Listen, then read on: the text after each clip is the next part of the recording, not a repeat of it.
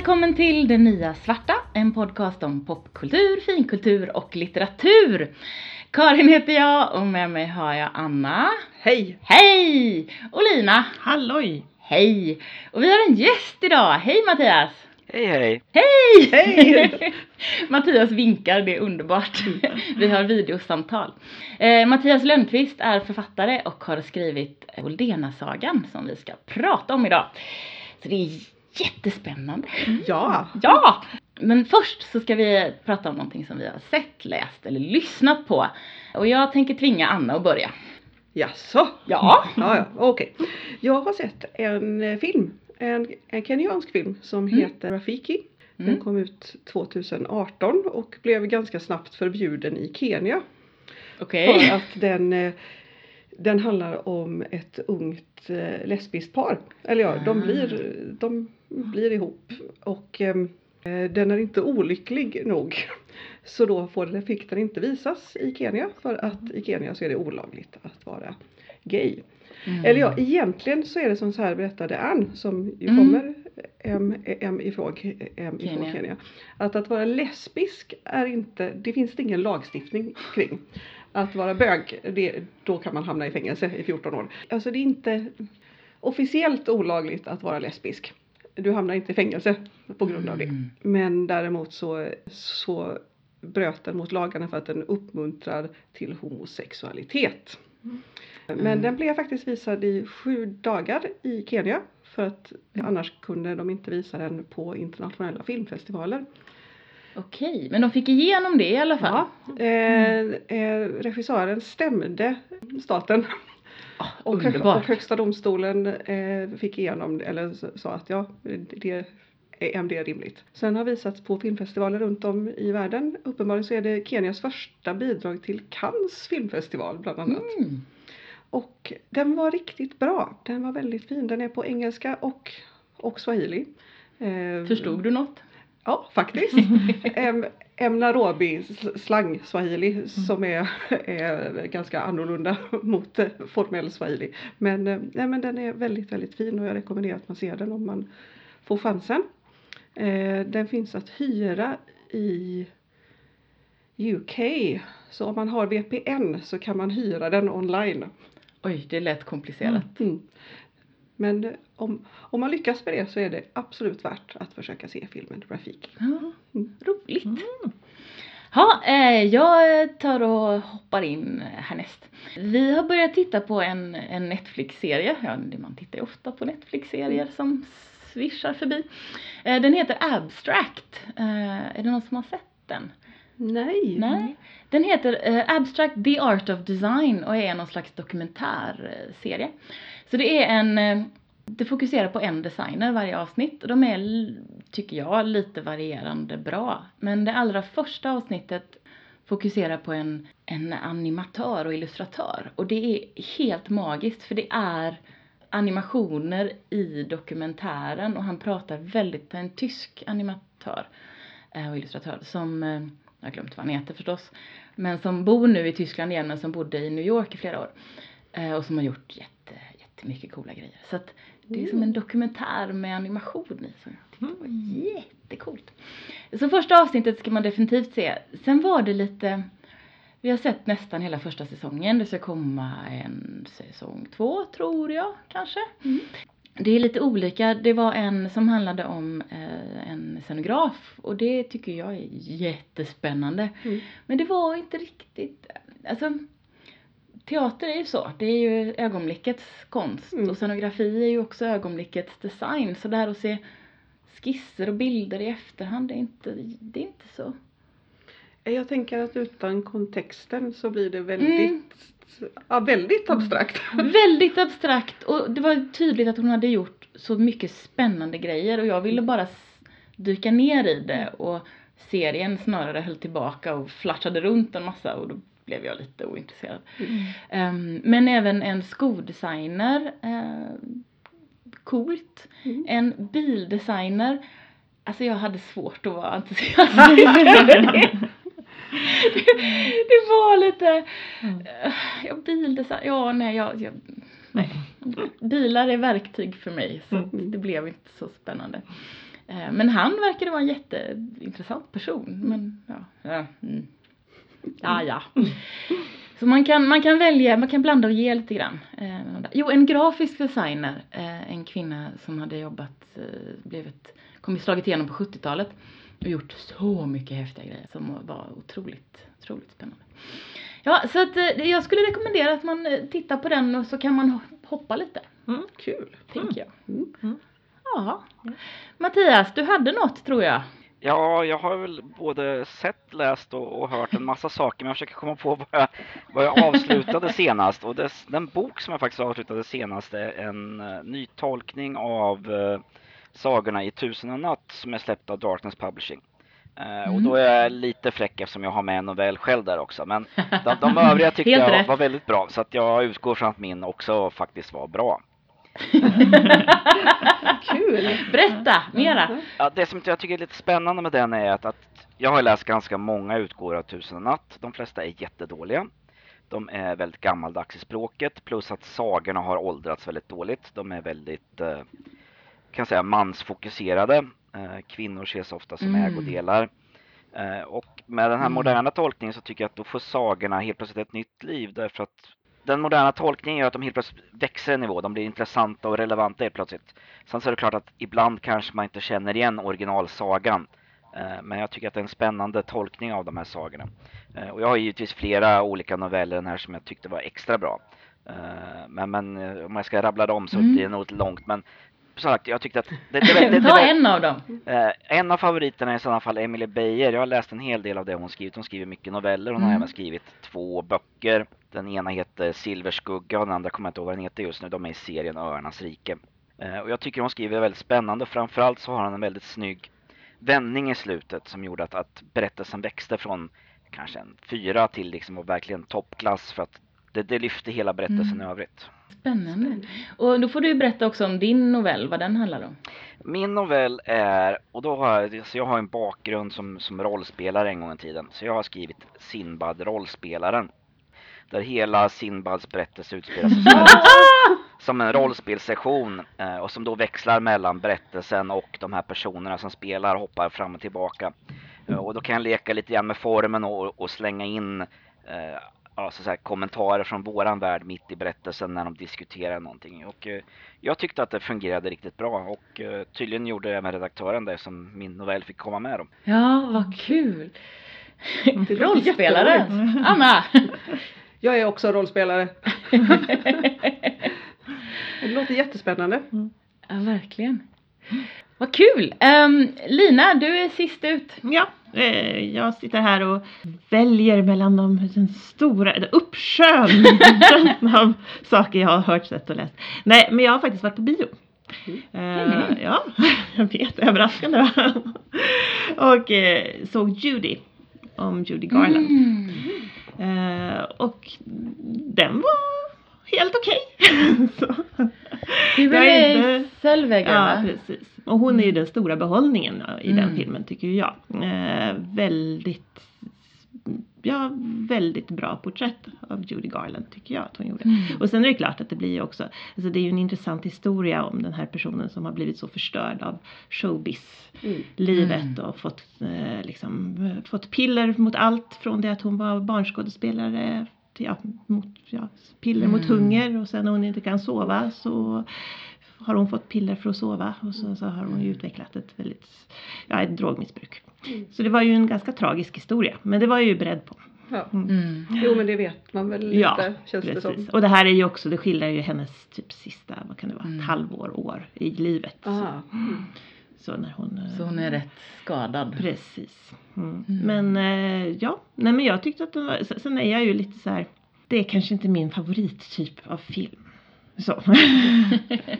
men ja, Du menar tragiska biografier? ja, eller? jag tror att Ja. eh, jag är lite sådär bara, ja men ja, jo visst. Men eh, ja, Du kunde de- läst en, en typ, en typ en Wikipedia-artikel istället? ja, precis. eh, eller så. Men, eh, men som sagt, Renée Zellweger var storslagen tycker jag. Mm. Mm. Det var ju bra. Ja, det är roligt. Och hon sjöng själv. Oh, Kunde säga. hon det? Ja, jag tyckte Nu är jag ju inte någon expert på hur Judy Garland sjunger liksom så, så men jag tyckte att det lät rätt likt. Ja men då så. Men jag Ja, vet inte. visst. Mm, ja. ja. Ja. Mm. Ja, oj vad snabbt vi klarade av det. Det brukar vi Ja. inte göra. Vi var effektiva. Vi har hållit på och grejat med att få ljudet att funka här så vi är lite sådär i gasen allihopa tror jag. Nu ska vi börja med eh, Oldena-sagan. Mm. Och eh, vi har ju läst de två böcker som finns ute, eh, alla tre. Mm. Den, vi har läst om, alla tre har läst de två böcker som finns ute. Så är det. Eh, den mörka portalen och konflikternas tid. Och jag har ju pratat om den mörka portalen i podden förut och det var ju så som du och jag fick kontakt Mattias eh, på, på Instagram tror jag att det var. Och eh, för jag tror att du hade recensionsex och jag sa ja, jag vill ha ett recensionsex och så läste jag och så blev jag så glad. Mm. Så jag pratade om det i podden. Ja, det, det, det stämmer. Jag la ut någonting om att jag ville ha fler recensenter på Instagram och eh, fick snabbt några positiva svar, vilket var trevligt. För att som, som debutant så det är väldigt svårt att komma ut kan jag säga. Det är väldigt svårt att hitta personer som är intresserade av att, att både läsa och recensera. Det kan man ju förstå naturligtvis. Mm. Ja, jag tänkte börja Mattias och låta dig presentera dig lite grann och berätta lite grann om vad Oldena-sagan handlar om. Eh, Om jag ska börja med, med mig själv så kan man säga att eh, jag började skriva både tidigt och sent i den meningen att jag skrev ganska mycket i gymnasiet och på, på högskolan och sen så började jag jobba och så glömde jag bort allt vad skrivande hette. Eh, och sen när jag började komma upp i åldern, eftersom jag antagligen är äldre än vad alla tre utav er är, så, så började jag känna att men det var någonting som saknades. Och då bestämde jag för att nu ska jag skriva en bok. Hur svårt kan det vara?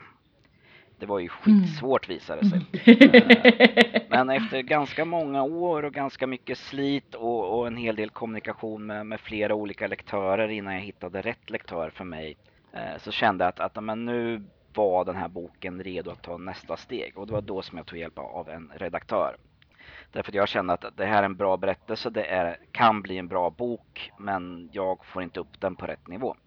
Så att hon hjälpte mig och det var redaktören i fråga Mm. heter Caroline Grimwalker. Hon är jätteduktig som redaktör. Eh, Hon kan vara ganska hård men, Mm. men rättvist hård. Så att hon pekade ut saker som behövde strykas, saker som var oförklarliga, sånt som behövde förbättras, att det skulle in miljöbeskrivningar på ställen där det saknades, att eh, på en del ställen var det för mycket gestaltning och på en del var det för lite gestaltning.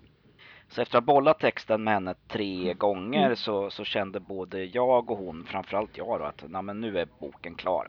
Eh, så att det enda som var kvar då, eller det enda, det var ju korrekturläsning och sen så skulle det fram ett omslag och sen skulle den ges ut. Men i september förra året så till slut så, så var boken klar. Det vart lite tajt där därför att jag hade någon gång lovat att men den ska vara klar tredje kvartalet 2018. Och den släpptes Mm. 29 september 2018 så jag, jag, jag lyckades precis där då. Nej, men det vart lite tajt på slutet. Eh, Men eftersom det här då är första boken i en trilogi så då vart det ju inte mycket vila där utan nästa steg var ju att sätta igång med bok två. Eh, Och den gick då klart snabbare. Eh, Även om det var ungefär lika mycket jobb men nu Mm. kunde jag det hela och även den här gången hade jag hjälp av samma redaktör så att hon, hon hjälpte mig att komma upp på samma nivå. Eh, Och nu så sitter jag och skriver på bok tre. Mm. Eller jag tänkte väl framförallt använda eh, den här årets Whee! nanovrimo till och försöka börja skriva på bok tre. Sen får vi se när den blir klar. Mm. Jag hoppas den ska vara klar i början. Eller så här, råtexten hoppas jag ska vara klar i början nästa år. Sen kommer allt det här jobbet med att lyfta texten från där. Mm. Spännande att höra. Ja, Mm. Vi är helt fascinerade. Mm. Jag tänkte du kan berätta lite vad den handlar om också, eller vad böckerna handlar om. Utan Jo. att spoila i det här läget. Jo, eh, jag gillar fantasy som är karaktärsdriven, som inte har så mycket stora handlingar som driver på utifrån, utan där det är personerna som, som, som så att säga driver handlingen framåt. Jag har då tre huvudpersoner. Vi har Ella som jag skulle säga är huvudhuvudpersonen för att det är hon som gör lite av de viktigaste sakerna. Men eh, hon har alltid velat lära sig magi och eh, hon tar sig till den kvinnliga magikerskolan eh, som ligger norr i det här landet. Därför att magikerna är sedan 500 år sedan tillbaka splittrade i manliga magiker och kvinnliga magiker. Den andra huvudpersonen och han som kanske ställer till mest kaos, som är lite katalysator, är då Marmat. Mm. Eh, Han tycker att magi är jättefjompigt. Det här funkar inte alls, det är bara lurendrejeri, så han vill bli soldat. Men tvingas till de manliga magikerna och inser efter ett tag att men det här med magi är ju faktiskt ganska användbart. Så att då byter han sida helt och tycker att allt ska lösas med magi. Eh, och den tredje huvudpersonen är Tirandim. Hon är lite kan man säga en, en eh, balans till de övriga två därför att hon har en bakgrund som gör att hon gillar inte magiker alls. Hon, jag skulle säga så långt som att hon hatar verkligen magiker. Och hon tvingas fly sin hemby, söker sig till kyrkan som också är motståndare till magiker. Eh, och då får jag den här ganska bra balansen mellan stat, kyrka och, och magi. Som alla har olika åsikter och synpunkter. Mm. Sen varvar jag med så kallade mellankapitel ungefär var tionde kapitel där jag tar in en annan person som får ge sin syn på saker och ting. Men det är de här tre personerna som berättelsen följer. Eh, och de är de är både i bok 1 och bok 2 och förhoppningsvis i bok 3 då, men jag har inte skrivit bok 3 än. ja, det skulle nog bli lite överraskande om ingen av dem var med i bok tre. Ja. Och lite upprörd måste jag säga. Ja, precis. Ja. Vi skulle nog tycka att det var lite jobbigt om ingen av dem var med. Kan du vara snäll och stoppa in i alla fall Alla. Jo, Alla. alla. Ja, i alla fall alla. Precis. Ja, nej, det, det är väl min Alla tre ambition att faktiskt, alla ska vara med. Ja, alla tre. Bara så här, Alla nej, tre. jag tröttnar på den här karaktären. Jag skiter i den. Ja. Det skulle vara fantastiskt. Nu har vi en fantasy-trilogi om tre personer i två av böckerna och nummer tre handlar om något helt annat. Fast det är ju lite så som de här, de, de här amerikanska författarna som spyr ur sig i jätte, jättetjocka böcker gör. Så där, för in en massa nya karaktärer i Ja. liksom mitt, när man kommit hälften, hälften igenom. Mhm. Gör inte så. Ja, nej, nej jag, ska, jag ska låta bli. Jag ska, jag ska inte göra en Robert Jordan heller utan jag tänkte Nej. Tack! Tack. Eh, Robert Jordan lyckades ju till och med dö innan han var klar, var det inte så? Ja. Ja, dåligt. Det är Gör inte så. Helt tramsigt. Jag tror Anna hade någon fråga om eh, ja, process eller något. Nu har eh, ju du svarat på de flesta av mina frågor som jag hade kring det.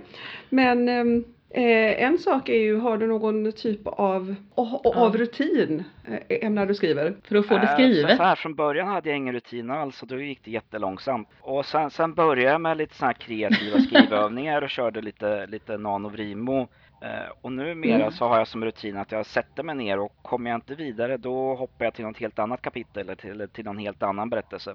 Mm. Eh, ofta lossnar det Ah. då, efter ett tag så blir jag sugen på att gå tillbaka till, till det som jag skrev på tidigare och då kommer jag oftast vidare. Sen skulle jag säga att den viktigaste delen av min rutin är att försöka se till att skriva, kanske inte varje dag men åtminstone varannan dag. Mm. Mm. Att det var konsekvent. Jag tänker, nu, du kanske ska förklara för lyssnarna om det är någon som nu inte vet vad nanovrimo är. Mm, då ska jag försöka svara på den utan att göra en utläggning på en halvtimme. Men i, i korthet så står NaNoWriMo för National Novel Writing Month och startade som mycket annat i USA. Ja. Idén är att man under en månad, och jag tror att det var på sommaren från början men numera är det november. Från första november till sista november ska man skriva 50 000 ord. Då har man vunnit. Vunnit är det här sammanhanget bara att ja, men man har lyckats med det mål man uppsatte. Jag kan tillägga att jag har aldrig vunnit en nano. Jag har däremot skrivit ganska många ord och de här orden har jag haft nytta av i mina böcker. Så att därför fortsätter jag med det även om jag aldrig vinner. Men i år, i år ska jag klara mig 50 000 ord har jag tänkt. Och jag menar, november har inte börjat än så att det, är ett, det är ett rimligt mål fortfarande. Ja, Ja men det är, vi håller tummarna för dig. jajamän. Men eh, jag tänker, hur många ord är en av eh, delböckerna? Hur många ord är eh, Den mörka portalen till exempel? Den Ungefär. mörka portalen tror jag är 113 eller 114 000 ord och, och konflikternas tid tror jag är 120 000 ord ungefär.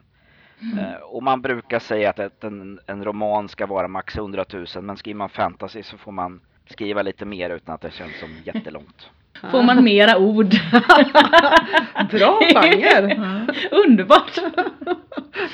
Jag undrar ju lite grann vad, vad, vad var upphovet? Vad var fröet? Vad var det som du först vad, vad var det som fick dig att vilja skriva de här böckerna? upphovet skulle jag säga Vilken idé? Eh, Första upphovet var att egentligen, jag var så här, min, min far bor eh, i Frankrike, han har flyttat tillbaka precis nu men han har bott i Frankrike ganska många år. En kväll kunde jag inte somna av något skäl och jag låg och tänkte för mig själv och så helt plötsligt fick jag den här scenen där Ella sitter vid fönstret och tittar ut på hur snön håller på att smälta bort utifrån det så, så fick jag en idé om att ja, men, den här världen vill jag skriva om. Och allt eftersom jag skrev så var jag tvungen att lägga till fler och fler saker och några gånger då givetvis att backa tillbaks och ändra saker som inte stämde längre. Men, men det första fröet var en, en, en fransk vinternatt där jag inte kunde somna. Mm.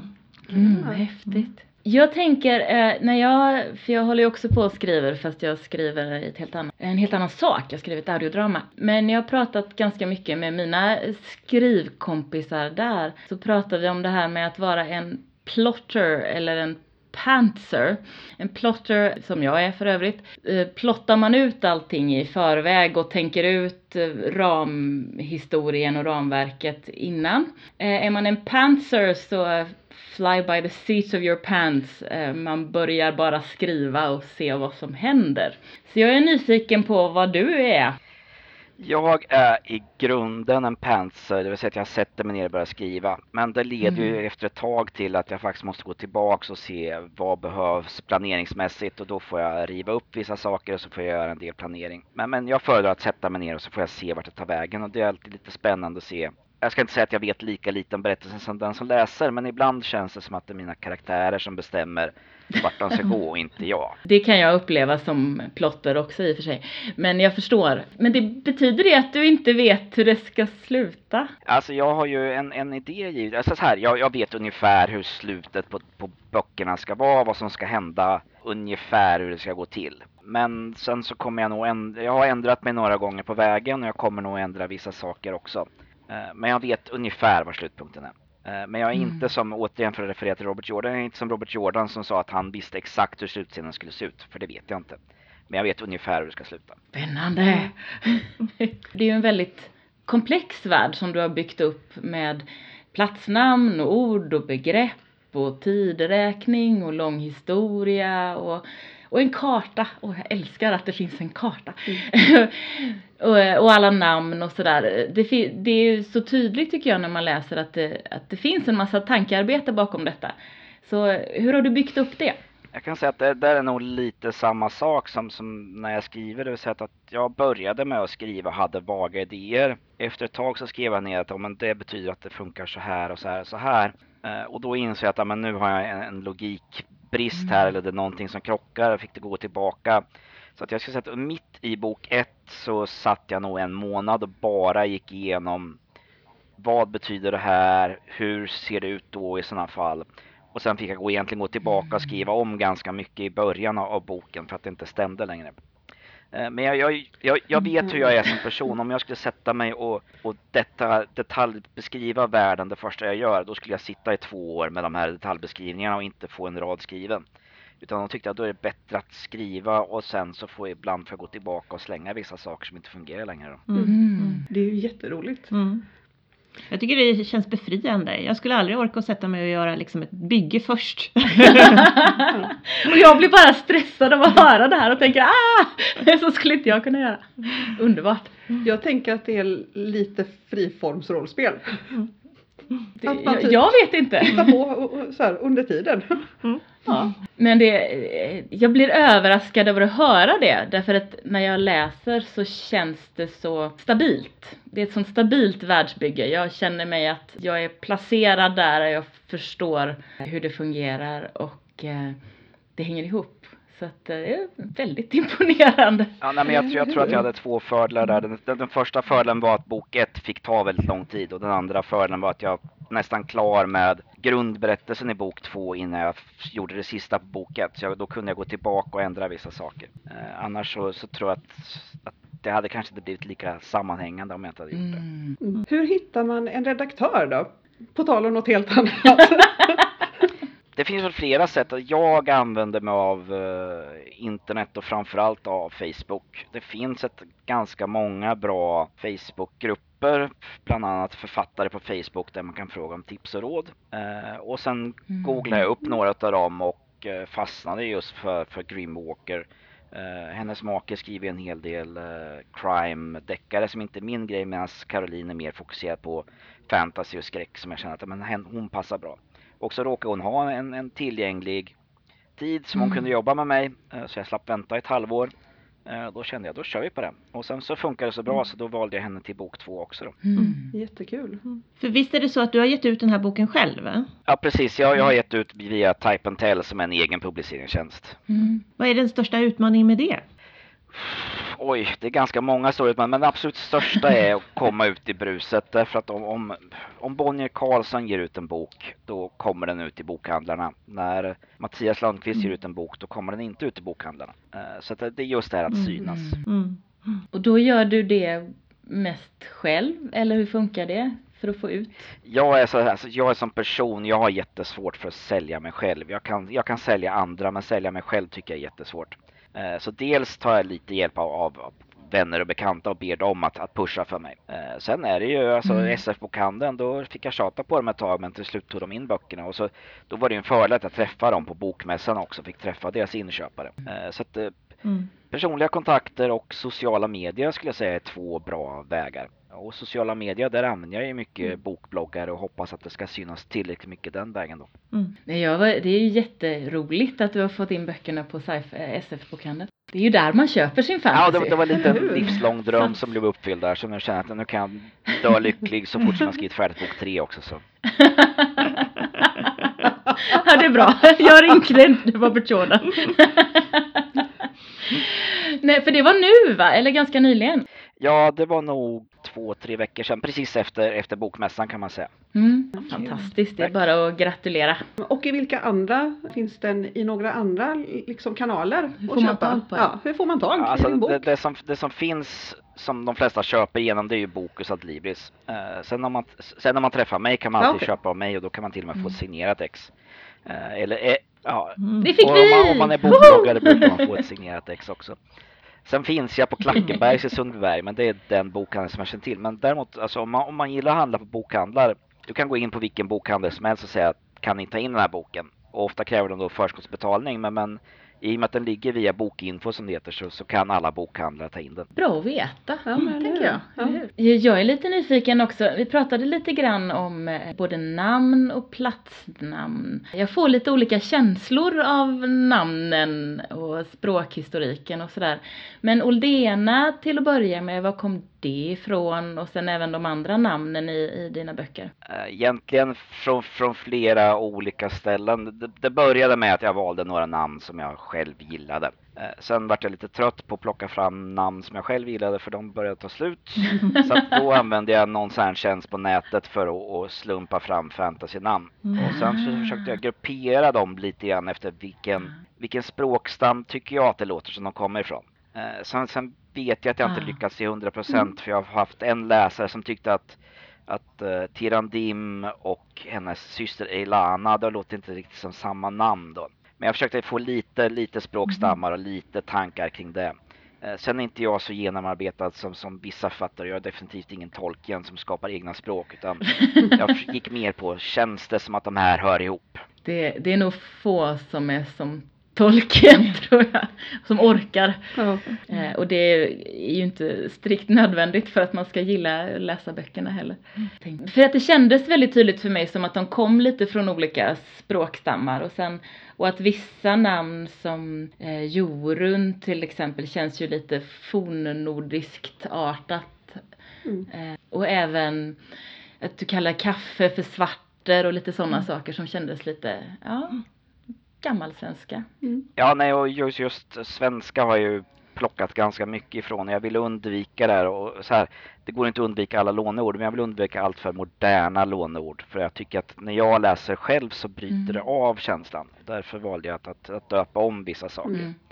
Eh, sen kan jag säkert ha missat Mm. någon sak som någon kan påpeka att "Ja, men det där kom in i svenskan på 1800-talet. Och, ja, då, då ber jag om ursäkt för att jag missat det. Men, Mm. men eh, jag vill inte lägga ner tusen timmar bara på själva orden. Nej, Det låter sunt, Mm. tycker jag. verkligen. Nej, men jag tänker också att det är ju faktiskt fantasy du skriver, så att om det kom in i svenskan på 1800-talet så ja, jaha, Mm. Vad, vadå? Då ska vi se. Är det något mer som ni vill fråga innan vi går in på den lite mer spoileriga delen? Jag tänkte lite på det här med förebilder, den här obligatoriska frågan om förebilder. Om du skulle ha, vilken bok skulle du ha velat skri ha skrivit förutom de här två? Oj, måste jag välja en? Nej. Nej. Alltså jag är, jag är dels givetvis väldigt imponerad av, av Tolkien och det arbete som han gjort på språkstammar eh, och på så att säga vilken komplex värld han ändå skapade. Eh, sen skulle jag faktiskt vilja lyfta fram Rowling därför att jag är väldigt imponerad av hur hon kan föra in så många namn utan att det blir jobbigt att lära sig namnen för det är det som jag har väldigt svårt för. Och visst, jag har detaljer i hennes böcker som jag stör mig på men böckerna är så bra så att jag, jag skiter i det medan jag läser. Det är först efteråt som jag inser att men det här hänger inte. Och jag skulle vilja kunna fånga en läsare på samma sätt som hon gör. Det kan jag absolut relatera till. Jag har också issues med Harry Potter men, men jag fångas ju Mm. Och dras med och det är underbart. Faktiskt så att när jag började läsa första boken så blev jag lite, det är tonåringar på en skola och så fick jag lite Harry Potter-vibbar ett tag. Det började hända massa andra, andra Mm. saker. Så det var inte så Harry Potterigt. Nej, men jag, jag tycker att man drogs in ganska fort Mm. i de här böckerna. Det, det som var svårast för mig det var att jag insåg efter en stund att jag har inte läst svensk fantasy sen jag var i yngre tonåren. Mm. Så det tog mig säg 20-30 sidor av att jag satt och nästan översatte till engelska i huvudet. Tills jag kunde släppa det och då så flöt det fantastiskt. Men det är ju egentligen bara för att jag är van vid att fantasy är på engelska. Mm. Ja, men jag tror att jag hade lite samma Ja. känsla också. Mm. Och sen var det bara flöt det på. Mm. Jag hade exakt samma upplevelse. Eh, Jag läste ju första boken för något år sedan, lite knappt kanske för jul tror jag förra året. Och eh, det, det tog ett bra tag och jag gjorde precis som du Anna, att jag översatte till engelska i huvudet, vilket ju är, Jättekonstigt. varför då? Mm. Men det handlar ju om vana. Mm. Läser du mycket svensk fantasy? Här, jag är ju uppväxt med primärt engelsk fantasy och, mycket har jag läst på engelska. Men de senaste åren har jag börjat läsa allt mer svenskt både för att jag, ja, ska jag säga, jag, jag trivs egentligen bättre med den svenska språkrytmen. Jag slipper slå upp ord eh, och jag tycker att det finns många bra svenska författare som kanske inte riktigt fått det utrymme som de borde få. Nämn några. Ja, dels då Emily Beijer som jag nämnde tidigare. Eh, sen har du eh, Anders Björkelid som skrivit Berättelsen om blodet. Det är fyra böcker. Eh, som jag är framförallt imponerad av att han byter perspektiv mellan jag och vi på ett naturligt sätt som jag som läsare Mm. känner att jag hänger med på, på vad som, som, som sker. Sen, sen finns alltså, det finns jättemånga bra, jag kan, jag kan skicka en hel drös med länkar men jag, tittar på min bokhylla här och ser att där har bland annat Frida Hallberg här som skrivit Valda vargar som jag testläste åt och som jag nu ska läsa den färdiga boken. Som jag tycker skriver väldigt annorlunda för det är väldigt lite konflikt och väldigt lite våld i hennes böcker och mycket natur. Eh, så att det är en lite annan form av fantasy än jag brukar läsa som jag, tyckte var väldigt spännande och fräscht när jag läste det. Spännande. Men det vore väl jätteroligt att kunna få en lista. Ja. Ja, och lite ja, förslag en lista. på svenska Ja, jag, jag, kan, jag kan skicka, en lång lista. ja, det är bra. Ja, du, vi lägger ut den helt Ja. enkelt och delar den med lyssnarna också. Underbart. Vi tar och går över, nu är det spoiler, spoiler, spoiler, hallå! Så om man inte har läst Oldena-sagan och inte gillar spoilers så slutar man lyssna här. Ja. Så, jag tror de flesta är kvar. Då ska vi se. Jag tänkte börja med, du var inne lite på det Mattias, eh, men jag tänker den behöver vara här i spoilerdelen så du kan spoila om du behöver. Men hur har dina karaktärer och din berättelse överraskat dig? Alltså den, den första stora ändringen som mina karaktärer hittar på det är egentligen i, slutet av bok ett. När, eh, för, för tanken var att, att Ilmani och Tirandim bara skulle bli vänner. Mm. Och eh, de blir ju mycket mer. Mm. Eh, och det var liksom ingenting som var planerat men när jag skrev det och framförallt när jag skrev hur Tirandim går omkring och resonerar med sig själv så kände jag att det här fungerar, det här där kan vi köra på. Mm. Sen så en annan lite större grej de inte gör som de vill är egentligen i mitten av bok två eh, med slaget vid, eh, vid de manliga magikernas eh, skola. Mm. Där, eh, ja, det går inget bra för Varalaf kan man säga. Det var inte heller planerat. Nej. Mm. Eh, Det var inte och, men, men planerat. den, det kändes som att berättelsen behövde det. Jag försökte skriva om flera gånger Mm. och, och gå förbi det där. Eh, men det gick inte. Så att det, det blev jag så. tänker, Nu, Mm. ja, jag tänker nu när vi är inne i spoiler, nu är det här stora spoilers här. För Varalf dör ju och Marmat har precis insett att han eh, älskar Varalf. Ja. Precis då. Och det är fruktansvärt och jättetungt. Men det blir också väldigt logiskt med det som händer med Marmat sen. Mm. Eh, och det han blir. Och jag tänker, som jag i mitt huvud liksom sätter upp vad som ska hända i sista boken. Det är också väldigt överraskande och det kanske, Ja. alltså på ett sätt som ofta kan, tycker jag att det känns, känns när man läser böcker att, som att man, det är bäddat för saker och ting. Mm. Men det var det inte här och det kanske också var för att, för att dina karaktärer själva överraskade dig. Jag vet inte. Ja, nej, Mm. han, jag, jag införde honom i början egentligen för att han skulle vara någon sorts balans till Marmat för att han, han är så Mm. yvig och tänker inte sig för. Men så blev det tvärtom Mm. att han blev en katalysator istället. Mm. Mm. Ja, för du har ju väldigt tydligt liksom, de tre huvudpersonerna har varsin balansperson, partner, kompis, käresta. Så det är ju Ella och Vasa, Marmat och Varalf och Tirandim och Ilmani. Mm. Men var, var det planerat eller blev det? Ja, det vart väl lite både och. Därför att, att från Mm. början var fokus var på Ella och Ella behövde någon som, som fick igång henne Mm. där i början. Eh, och de första versionerna av de första kapitlerna så fick jag till och med frågor från vissa testläsare men är det inte Vasa som är huvudpersonen? Eh, så, så då justerade jag om lite grann men jag tyckte att, att Ella behövde den här personen och framförallt så jag vill inte göra Ella till, till en, ja, en eh, ny Hermione liksom utan eh, hon, hon behövde någon annan som kunde få stå för bokkunskapen. Mm. Ja, just det. Om vi ändå är inne på Ella, jag tycker det är så spännande och utvecklas ju särskilt i bok två. Du är ju inte rädd för att låta dina karaktärer vara osympatiska. Mm. Eh, och det är jättehäftigt. Och Ella och hennes, som jag tolkar som manodepressivitet, men va- var det en obalans Mm. pratas det om i boken? Nej, men jag, jag, jag uppfattar det som någon typ av bipolaritet och, Ja.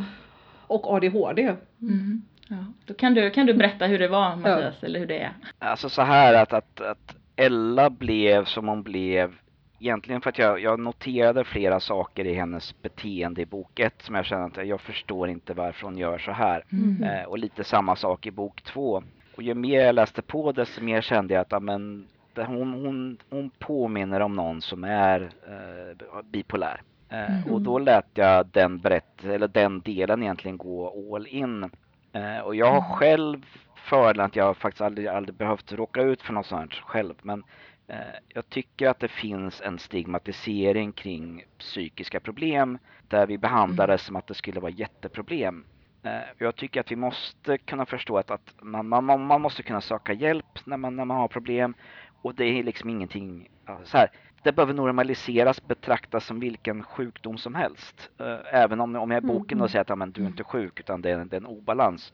Därför att det här är ju någonting som hon får leva med resten av livet så att säga. Nej, men jag tycker det är väldigt sympatiskt framställt. Eller sympatiskt kanske fel, men just att det är realistiskt framställt och att det är tydligt att det inte är någonting som man kan bota utan att det är någonting som man får leva med och man får hitta verktyg helt enkelt för att Mm. hantera. Och det vet jag eh, eftersom eh, typ jag har folk Mm. I närheten. ja, som, har, som har just de här Mm. Ehm, ja. Och som sagt, oftast är det ingen jättegrej. Det, det är bara som, så man är. Mm. Mm. Mm. Och det finns ju en jätte, alltså det tycker jag också var, jag gillade det väldigt mycket därför att det som oftast händer är att man osynliggör det här. Mm. Det får inte vara med. Nej, nej men Eh, precis. Och det är lite på samma sätt som eh, homosexualitet som väldigt ofta inte heller får vara med. Nej. Utan någonstans så är det någon slags normativ värld där eh, alla, alla är som någon slags fyrkantig låda och ingen, inget får sticka ut. Mm. Och jag tycker det är väldigt skönt att få läsa fantasy där det, där det får vara med. Ja. Och man, det får spreta Ja. och vara som folk är. Och inte behöver vara huvud, huvudpoängen heller. Nej. Jag skulle Mm. precis säga det. Nej, men att, att det är en del av, av folks liv Mm. helt enkelt. Och att det inte, precis, det är inte det det handlar om utan det bara är. Mm. Mm. Och så är de så fina tonåringar. Mm. Och så jobbiga. De är ju skitjobbiga. Men det är så tonåriga, det är så fantastiskt Ja. fint. precis. Var det något du tänkte på Mattias när du började? Att, att tonåringarna skulle få vara som tonåringar är? Alltså så, så här, jag har egentligen så här, oj nu vart det jättesvårt för mig att svara. Jag, jag, jag tyckte det var svårt att skriva om dem därför att det var så länge sedan som jag själv var tonåring och jag har inga egna barn. Samtidigt så försökte jag att vara lite, liksom dyka tillbaks, hur kände jag de här situationerna? Eh, och framförallt kommer jag väl ihåg mycket starka känslor så det är det som jag har fört in, Mm. att jag liksom, att de får ha starka känslor.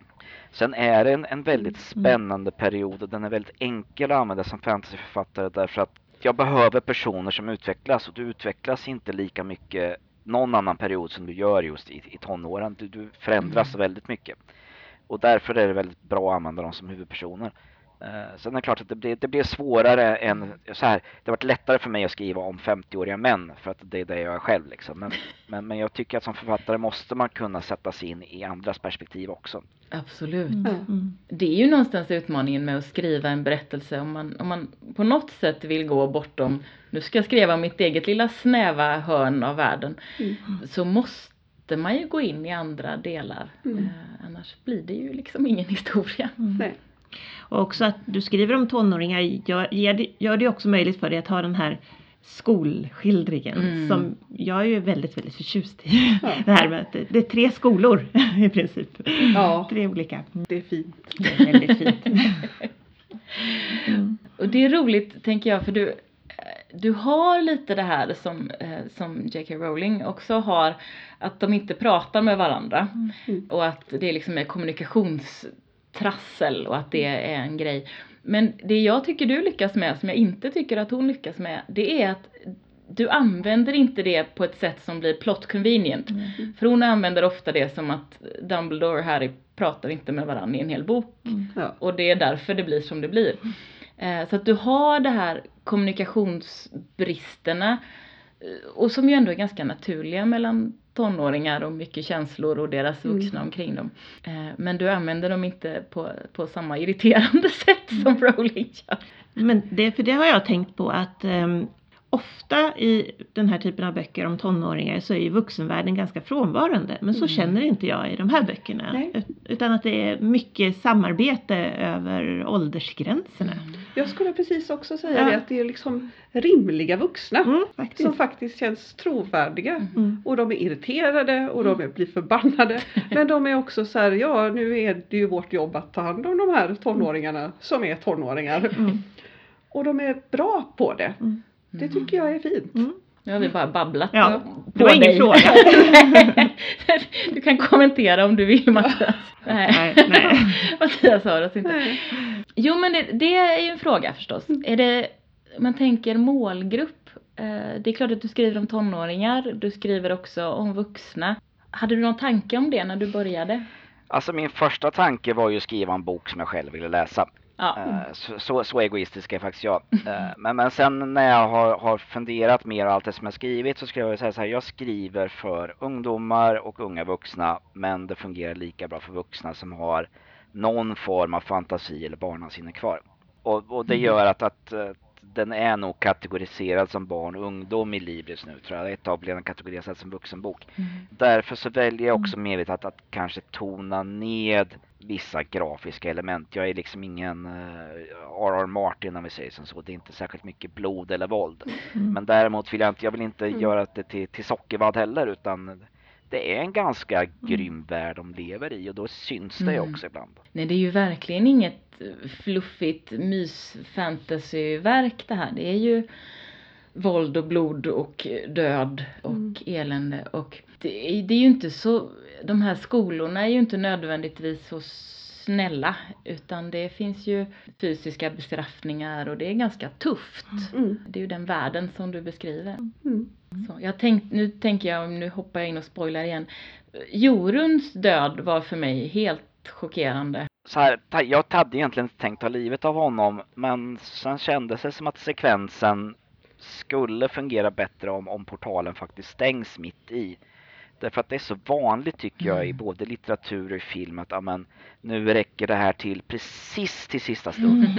Mm. Eh, och då fick den klippa lite grann mitt i och då blev det en ganska otäck scen av det som jag tonade ner några Mm. gånger för att från början var den klart blodigare kan jag säga. Men jag vill inte ta, jag vill inte ta bort det där. Mm. Jag tyckte det var viktigt att, att halvviktiga personer också kunde få dö. Mm. Ja, verkligen. Och också, det gör ju att hela idén med den här portalen, eller vad det nu är de tar sig igenom, att den blir så otroligt mycket mer farlig Ja. och liksom det, det är mycket mer brinnande på något sätt i och med att det hände. Och kommer väl bli igen, tänker jag, en annan gång när de ska Mm. använda det. Jag tycker överhuvudtaget att din vad ska man säga, magidrivna teknik Mm. är väldigt spännande. Hur, hur har du tänkt kring den? Hur, hur uppstod det? Alltså från början så skulle jag säga att det, tanken var lite, så här, jag försökte egentligen först skriva en värld där det fanns teknik och det fanns elektricitet men ingen förstod det utan det betraktades som magi. Mm. Men jag lyckades inte genomföra det särskilt bra så att då blev det mer än en traditionell magi men jag hade fortfarande kvar den här teknikinspirationen. Sen Mm. har jag någon vag idé om vad det kan finnas för skäl till det i bakgrunden. Jag vet inte om Mm. det någonsin kommer bli en berättelse av, av det överhuvudtaget. Eh, Men, men jag, och det, Mm. det, är så här, det är mycket enklare för mig som författare att, att skapa föremål och ta inspiration från teknik. Eh, Mm. Mm. För då känner jag att ja, men då, då, då känns det mer logiskt på något sätt. Och lättare att förstå som läsare också. Mm. Ja, nu har vi pratat ganska länge. Ja. Är det några frågor Anna och Lina som ni inte har fått ställa som brinner? Jag känner nog ändå att jag har fått ut Mm. de flesta Mm. frågor. Jag undrar, är det någonting i det här liksom världsbygget eller karaktärsbygget som du är sådär lite extra stolt över? Sådär bara, och där fick jag till det. Alltså jag har ju några scener eller delar av scener där jag känner att jag har svårt att läsa dem utan att, att det, det bränner lite grann bakom Mm. ögonlocken. Mm. Och då känner jag att ja, nu har jag läst dem hundra gånger, om de fortfarande berör mig så, så känner jag att då har jag nog lyckats ganska bra. Mm. Sen så vet jag inte om jag kan lyfta fram någon specifikt men, men just scenen där, där Marmat hanterar vad som hände med Varalaf Mm. är en väldigt, var en väldigt tung scen att skriva och är Mm. en ganska tung scen för mig att läsa fortfarande. Mm. Verkligen. Mm, Det är ju väldigt starkt. Ja. Det är väldigt starkt och det gör också att Alltså det, för mig blir det lite, ehm, det blir lite Star Wars, det blir lite ehm, eh, Anakin som blir Darth Vader-artat. Att han på något sätt så är det, jag går med på att det som har hänt honom är så hemskt så jag kan förstå om han kanske till och med blir ond, även om det Mm. inte, vi vet inte riktigt Mm. än. Hoppas inte det.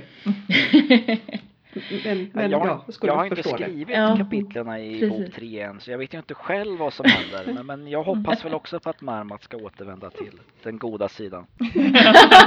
Ja. Och om du hoppas det så kan väl vi få hoppas också. Det, det, känns ju, det kändes skönt att höra tyckte jag. Är det något som du inte har fått säga Mattias, som du tycker att vi borde ha frågat om? Nej, egentligen inte därför att jag kan säga att här, när jag har skrivit någonting så tycker jag alltid att det är så spännande att höra vad folk tycker om, om det jag har skrivit och, och vad folk gillar och givetvis också vad folk ogillar fast det kan de prata lite mindre om än vad de gillar. De får gärna, gärna prata mycket mer om det de gillar. Och därför är det alltid, oavsett vilka frågor jag än får om boken så, så känner jag att men, åh skoj, det här, liksom, då, då var det det här som var viktigt för dem. Och det gör det ju lättare för mig att, att ändå göra allt jobb som är med att skriva bok tre. Därför att när man fortfarande har noll sidor och noll ord, då är det ett ganska stort projekt som man har framför sig. Verkligen. Är det något, nu fick vi ju en liten grej om kanske att Marmat eh, blir god på slutet. Är det något annat du vill avslöja bara för oss om bok tre? Ja, alltså det jag kan avslöja är väl att, ska jag tänka efter så jag inte säger allt för mycket. det finns ju uppenbarligen någon som inte är på deras sida i, i Sadalino. Det kommer hanteras i bok tre. Och det, någonting behöver göras med Tirandims ambivalens när det kommer till magi kontra icke-magi. Mm. Och just hur hon ställer sig till, till vad, vad kyrkan tycker och vad hon tycker om kyrkan. Så att där är några konfliktytor som jag behöver Mm, bearbeta och knåda lite grann. Sen får vi se vad som ramlar ut av det. Men jag hoppas att det ska bli ett riktigt gott bakverk av det hela. Det tror vi absolut. Ja, nej men alltså det enda negativa jag har att säga var att sista boken inte fanns ute när jag hade läst klart andra boken. Ja, nej, jag, jag kan säga att jag är, lite, jag är lite likadan som läsare. Jag vill gärna börja på nästa bok direkt. Ja. Ja. Samtidigt så ger det, jag kan säga om vi tar Harry Potter som exempel, för den började jag läsa när det var bok tre var ute tror jag. Då fick jag ju chansen att läsa om serien Mm. varje år när det kom en Mm. ny bok. Så att, Det eh, gjorde jag det, med. det är både fördelar och nackdelar. Är Ja det ska vi Ja. göra. Mm. Om ett år då ungefär. Ja, precis. Det, jag tänker på det du sa om vad som ska hända i bok tre. Jag är väldigt nyfiken på kungahuset också. För där, det är ju liksom en, en lite mer subplott. Men det Mm, känns ju mm. som att det håller på att bubbla saker där som eh, kanske ska hända. Mm. Ja, och jag kan säga att, att just när det kommer till, till kungahuset, där vet jag inte riktigt vad som kommer att hända. Jag har, jag har några idéer och vi får se hur mycket utrymme de, de tar. Det är verkligen ett, ett, ett oskrivet ark för mig, för vissa andra delar har jag åtminstone lite idéer. Ja, jag är också väldigt nyfiken på kyrkan. Ja, just det. Mm. och vad som kommer att hända där. Mm. Och allt det Och allt andra. annat, ja, precis. Bra, vi ska snart avsluta. Jag tänker Mattias, vad kan man få fatt på dig om våra lyssnare vill eh, hitta dig? Ja, det finns ju flera ställen så- som man, som man kan hitta mig på. Enklast är om man söker upp med författare Mattias på, på Facebook. Eh, eller om man går in på Mm. oldenasagan.se. Eh, den är inte en blogg ska jag tillägga, utan den är mer en samlingssida där jag lägger upp information då och då. Så den uppdateras varannan, var tredje månad.